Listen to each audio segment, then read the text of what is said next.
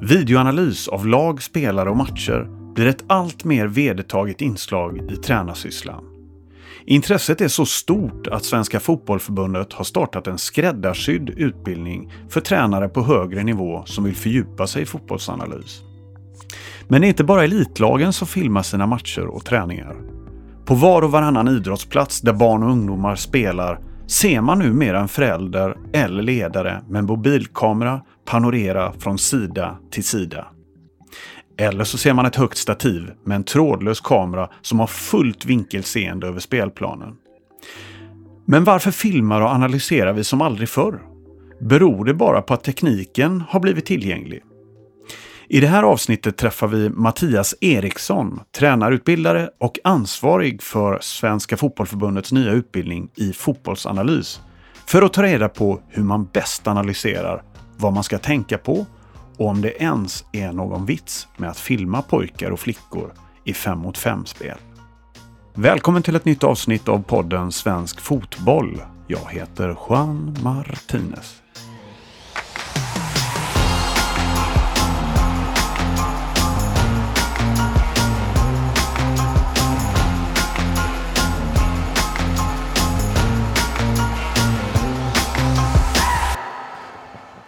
Då välkomnar vi Mattias Eriksson till podden Svensk Fotboll. Välkommen Mattias! Tack så mycket! Du, och nu sitter vi i Uppsala. Det är lite sensommar och kyligt men vi sitter utomhus för det är fortfarande eh, ska vi säga, utomhussäsong får vi säga, även för podden. Ja, det är perfekt fotbollsväder, höstväder nästan. Du Mattias, vad är det du sysslar med på förbundet? Min roll är som tränarutbildare, vilket innebär att jag är tillgänglig och jobbar på de högre tränarutbildningarna på Uefa A och Uefa Pro och liknande utbildningar där. Samtidigt så har jag ett specialansvar för licensfortbildningen på de nivåerna som, som vi arrangerar, det vill säga då är det från B och uppåt, A, Pro, målvakt A, Elite Youth och så vidare. Och jag är ansvarig för en ny utbildning, tränarutbildning i fotbollsanalys som vi genomförde för första gången i år.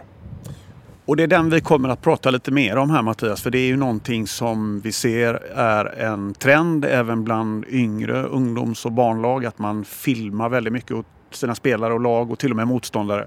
Eh, hur ser det ut idag eh, Mattias när det gäller videoanalys, matchanalys?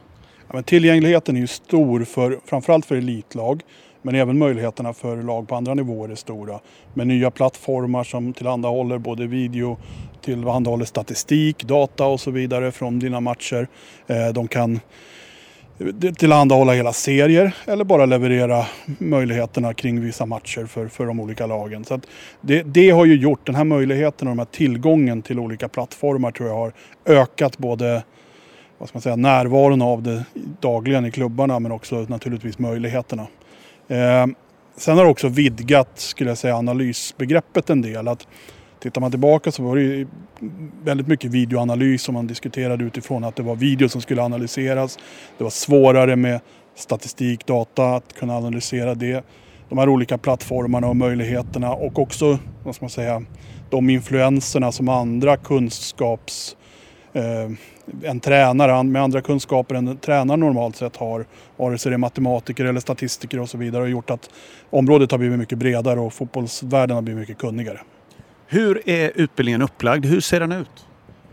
Vår utbildning är, upp, är upplagd på det sättet att vi jobbar då med olika moduler med innehåll. Men det vi tar, tar avstamp i är att, att titta på deltagarens möjligheter i sin hemmiljö. Och vi brukar prata om deras coaching cycle, vilket är veckocykeln eller planeringscykeln, tiden mellan två matcher och så vidare. Det finns ju många sätt att beskriva det på.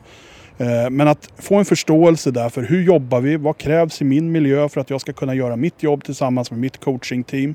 Ehm, kan jag förstå det? Kan jag beskriva det?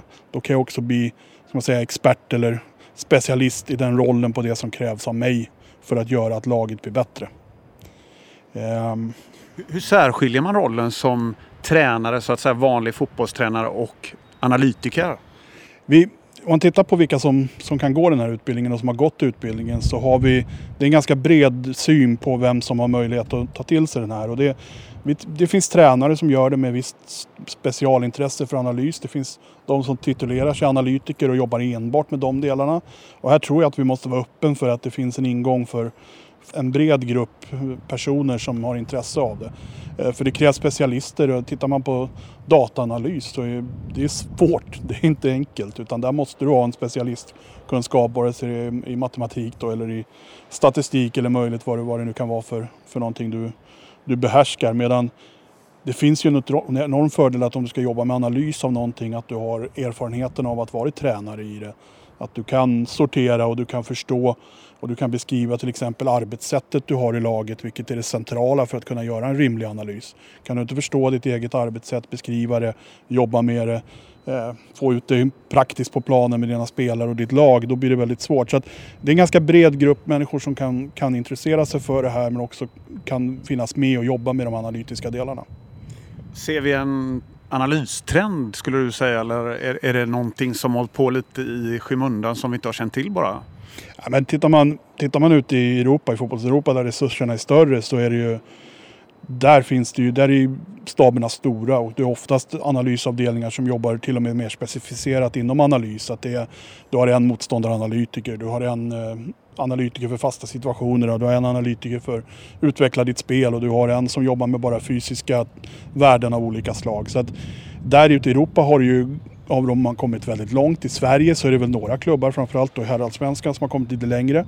Sen jobbar man olika i olika klubbar och det finns goda exempel i superettan, i damallsvenskan, i elitettan. Men där är resurserna mindre så att det är sällan att det är specifika personer som har bara analys på sin arbetslott utan där har vi mer assisterande tränare och tränare som jobbar med analys. Och då kommer vi tillbaka till varför den här utbildningen är så viktig, att den kan rikta sig till flera olika typer av, av personer som är involverade i, i våra i våra coachingstaber. Vilken är den största nyttan skulle du säga Mattias med, med videoanalys? Ja, men det är ju att kunna reflektera och bli mer objektiv. Att faktiskt kunna, kunna gå tillbaka till någonting, titta på en prestation och bedöma den mer objektivt. Sen är analys väldigt sällan helt objektiv. För du vill titta på vad har du bestämt att du vill göra. Som sagt, vad är ditt arbetssätt? Hur vill du jobba?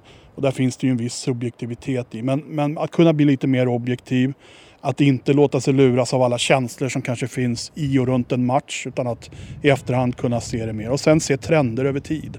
Att inte bara fastna kanske i det sista resultatet som tränare utan att kunna se vissa trender över tid och kunna jobba med dem och utveckla det. Du, om man tittar på lite historik och utblick eh, Mattias. Hur föddes det här fenomenet? Var, var, när började vi analysera fotboll och idrott? Det är väl svårt att säga så här precis exakt när allting började. Men en som har fått väldigt stor inverkan från start är en engelsman som heter Charles Reap som på 50 och 60-talet började, ja, egentligen kan man säga att han forskade framförallt efter hur, hur kommer mål till och sådär. Och hans slutsats var ju att det var få passningar, ganska snabbt till mål. Eh, vilket ledde till en engelsk fotboll som präglades av längre och direkt spel. Man skulle komma till målet så snabbt som möjligt och göra mål. Och det finns väl senare också med Drill och Olsen i Norge och så. Ja, och det har funnits en stor påverkan på svensk fotboll naturligtvis av det här också. Så det är väl sån här någon form av någon form av liksom start på det hela. Och man ska komma ihåg att det inte bara är videoanalys utan väldigt mycket kan ju ske med block och penna. Eh, att kunna se och göra noteringar vad som har hänt under matchen och så. Det var ju så det började. Men sen kan man väl säga att det tog en, en ganska stor, tror jag, utvecklingen accelererade rejält för drygt 25 år sedan när vissa av de här större vad ska man säga, aktörerna på marknaden som Opta och Prozone och sådär börjar komma fram och börjar leverera färdiga produkter till klubbarna. För det är svårt för klubbarna själva att kunna ha en hel avdelning. Det är de, de största klubbarna i världen har väl det idag men det är en utopi att ha så många anställda som krävs för att kanske ta fram allt material på alla ligor i, i hela världen. Liksom. Utan då, då krävs det några, några kommersiella aktörer som gör det och så finns det plattformar man kan använda för att, för att få, få ta del av materialet. Och den, det började väl accelerera för drygt 25 år sedan och efter det med den teknologiska också vad ska man säga, utvecklingen som har skett så har det blivit mer lättillgängligt. Inte det att det inte har funnits tidigare men allting har blivit enklare. Ifrån att på 80-talet sitta med en VHS-apparat till, till att nu du har det matchen i live-format i någon direkt feed som du kan använda och göra, visa klipp ifrån. Så det är klart att den teknologiska utvecklingen har ju påskyndat och hjälpt otroligt mycket. Kunskapen har funnits rätt länge. Hur ser det ut uh, ur ett svenskt perspektiv Mattias? Eh, hur duktiga är vi i Sverige på analys tycker vi själva? Ja, men jag skulle säga att om vi tittar på landslagsnivå och på, på matchanalytikerna kring de olika landslagen så är vi extremt duktiga på vårt hantverk och vi har varit vi har varit konsekventa och jobbat under en lång tid på ett visst sätt som har gjort att vi har varit, varit framgångsrika där och gjort bra support till våra coachingteam. Eh, vad gäller elitfotbollen i stort så skiljer det nog en hel del. Så det, man ska nog inte passa sig för att generalisera. Men jag tror att vi, vi har en vi har väl en generation tränare nu också som kommer fram som är mer vana vid kanske teknologiska lösningar och så vidare. Det handlar inte om ålder, det handlar inte om, eh, vad ska man säga, om erfarenhet heller utan det handlar ju om intresse. Men det är klart att det är enklare om du är van att, att hela tiden jobba med teknologiska lösningar och, och vara fingerfärdig med din dator och så vidare så kommer det att underlätta. Så att mer och mer så, så är det ju många som tar till sig det och jobbar med det och det har ju fått större påverkan på svensk fotboll, det har det absolut varifrån hämtar vi kunskap och inspiration? Finns det andra idrotter som fotbollen har lärt sig av? Vilka länder är långt fram idag? Jag har förstått när jag läser att USA är ju ganska duktiga på att analysera alla sina stora idrotter, basket, amerikansk fotboll och baseball. Och... Ja, de har ju också en annan kanske tradition att, göra det, att popularisera det genom tv och så vidare. Det börjar vi se nu, framförallt i, kanske i Sverige då, med sändningar med expected goals och alla de här delarna som, som har blivit ganska populärt att, att jobba med. Eh, men absolut så, visst det finns ju mycket att hämta från USA. Vi kan ju se till exempel på, på NFL, om man tittar på NFL och amerikansk fotboll så är det också otroligt mycket analys och man väldigt, de jobbar mycket med det. Men det är också ett, ett mera start-stopp-spel. Eh, där analyserna framförallt har påverkat beslut i avgörande lägen där många coacher bara förlitar sig helt enkelt på statistiken om de har en viss situation, om det är ett fjärde försök och kort avstånd för bollen och ta sig framåt så, så litar man på statistiken om det är sannolikt att man lyckas eller inte och så testar man det. Eh, medan jag skulle säga att kanske basket och NBA där har varit lite mera likt fotbollen där om man tittar basket för egentligen 20-årsperiod eller 15-årsperiod från 2000 och framåt till 2015 nu då 2020 så har ju, jag ska inte säga att sporten har förändrats men spelet har förändrats ganska mycket vad gäller valet av skottläge eh, där man nu Egentligen det vi, enda, vi ser är ju trepoängsskott och vi ser avslut vid korgen. Medan tittar du tillbaka 15-20 år så var det en hel del distansskott från, med tvåpoängsskott med längre. Men statistiken och datan visade att det var inte värt att ta de skotten. Sannolikheten att lyckas var lite för låg. Då är det bättre att testa med en trepoängsskott som kan ju ge bättre utdelning. Att jämföra det med fotbollen är ju svårt, men det finns ju någonting vi kan se i vår fotboll idag. Att vi har börjat lära oss och vi har börjat se att okej, okay, man gör mål framför målet. i det vi kanske brukar kalla för golden zone. Ja, okej, okay, där blir det mer sannolikhet för mål. Har det tagit bort antalet distansskott i matcherna? Ja, lite grann sådär. Så att vi kan se lite sådana tendenser och man vill kanske ofta komma ner till kortlinjen, spela snett inåt bakåt och också visa sig effektivt. Ja, okej. Okay. Men det centrala genombrottet är värt mest, ja men då går vi för det först. Inlägg längst, längst ut från kanten, breda inlägg, inte lika vanligt för inte lika sannolikt. Så att ja, det finns vissa tendenser att vi, vi börjar hamna också där att, att eh, liksom, statistiken avgör lite hur vi tar avslut och så. Men, men på det stora hela inspiration ja, men vi har vår egen väg att vandra. Finns det en risk att vi blir slavar under statistiken tänker du eller? Ja, eh, det kan ju finnas en risk så att man inte klarar av att hantera framförallt en mängd data som kommer fram. Så där måste man ju ha någon form av selek selektering vad man använder och man behöver vara noga med sina kopior och, och, och liksom välja rätt, eh, rätt liksom i dem så att man blir trygg i att man har, har rätt data efter varje match så man inte bara vandrar in i en djungel av, av det. Finns det en risk att vi, eh, att vi teknologiserar fotbollen och idrotten för mycket. Jag tänker det är GPS-västar, det är värmekameror, pulsmätare, perceptionsglasögon som vi har tagit upp i ett tidigare eh, poddavsnitt. Eh, vad tänker du där? det finns väl en risk att man, att man framförallt, tittar man ute i storklubbar i Europa så ska man, om du inte har det ena eller det andra så, så uppfattas det som att det inte är nog en tillräckligt professionell miljö. Har du inte GPS-västar, har du inte det, har du inte det. Eh, men det är ju inte det som är det viktiga. Det viktiga är vad man gör av det. Så att återigen, du behöver de här mätvärdena eller KPI som, som är avgörande för dig som gör att du kan kontrollera och få resultat som påverkar planering, påverkar hur du anpassar träning och så vidare. Så att det handlar ju om hur man använder det och där får vi ju passa oss noga för att vi inte blir som du sa, slavar under teknologin. Att det bara är viktigt att få fram en massa data eller en massa, massa vad det nu är och inte kan använda det ordentligt. Så att noga hitta ett sätt att selektera, att välja, vilket är jätteviktigt. Och som du säger det här med lite att använda sig av tekniken som en konkurrensfördel tänker jag. Om vi tittar på bortom elitverksamheten nu då när många barn och ungdomsföreningar också använder sig av att filma matcher. Eh, man ser föräldrar som står med kameror på stativ och eh, man sätter upp en sån här eh, vidvinkelkamera på, på ett högre stativ som, som kan zooma in hela planen.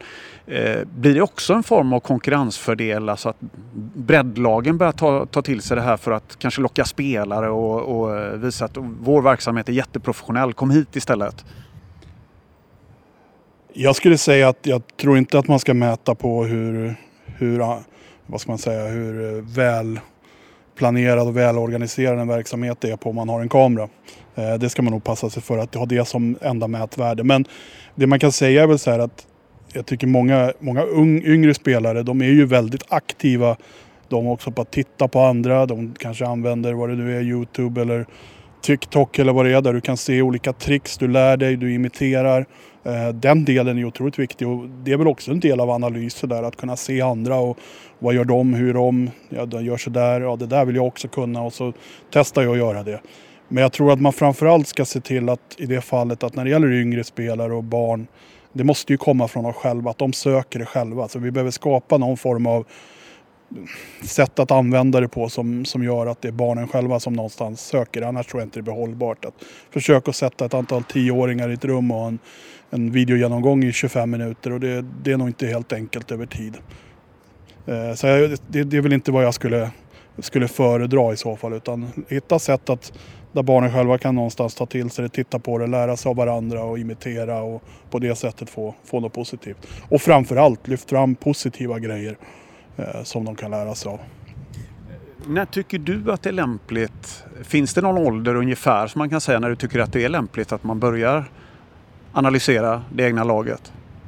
Ja, men jag, jag tror man, ska, man kan förhålla sig rätt bra till vad som finns i spelarutbildningsplanen. Om man har då SVFs spelarutbildningsplan framför sig och så kanske klubbens sätt att jobba. Ja, då kommer man att se att i de olika spelformerna så finns det olika saker som är viktiga. Och egentligen inte förrän framåt 7 mot 7, 9 mot 9 så blir det kollektiva spelet så viktigt. Innan är det individuellt, det är möjligtvis du och din medspelare där någonstans som hittar kombinationer.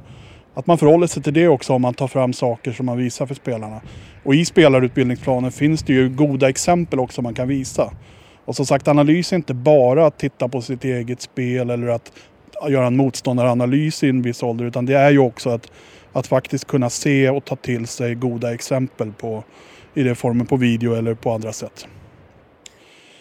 Man får inte bli för splittrad och jobba med massor av olika saker utan fokusera på några saker så att det blir, det blir en tydlig och, och liksom korrekt feedback på det sättet.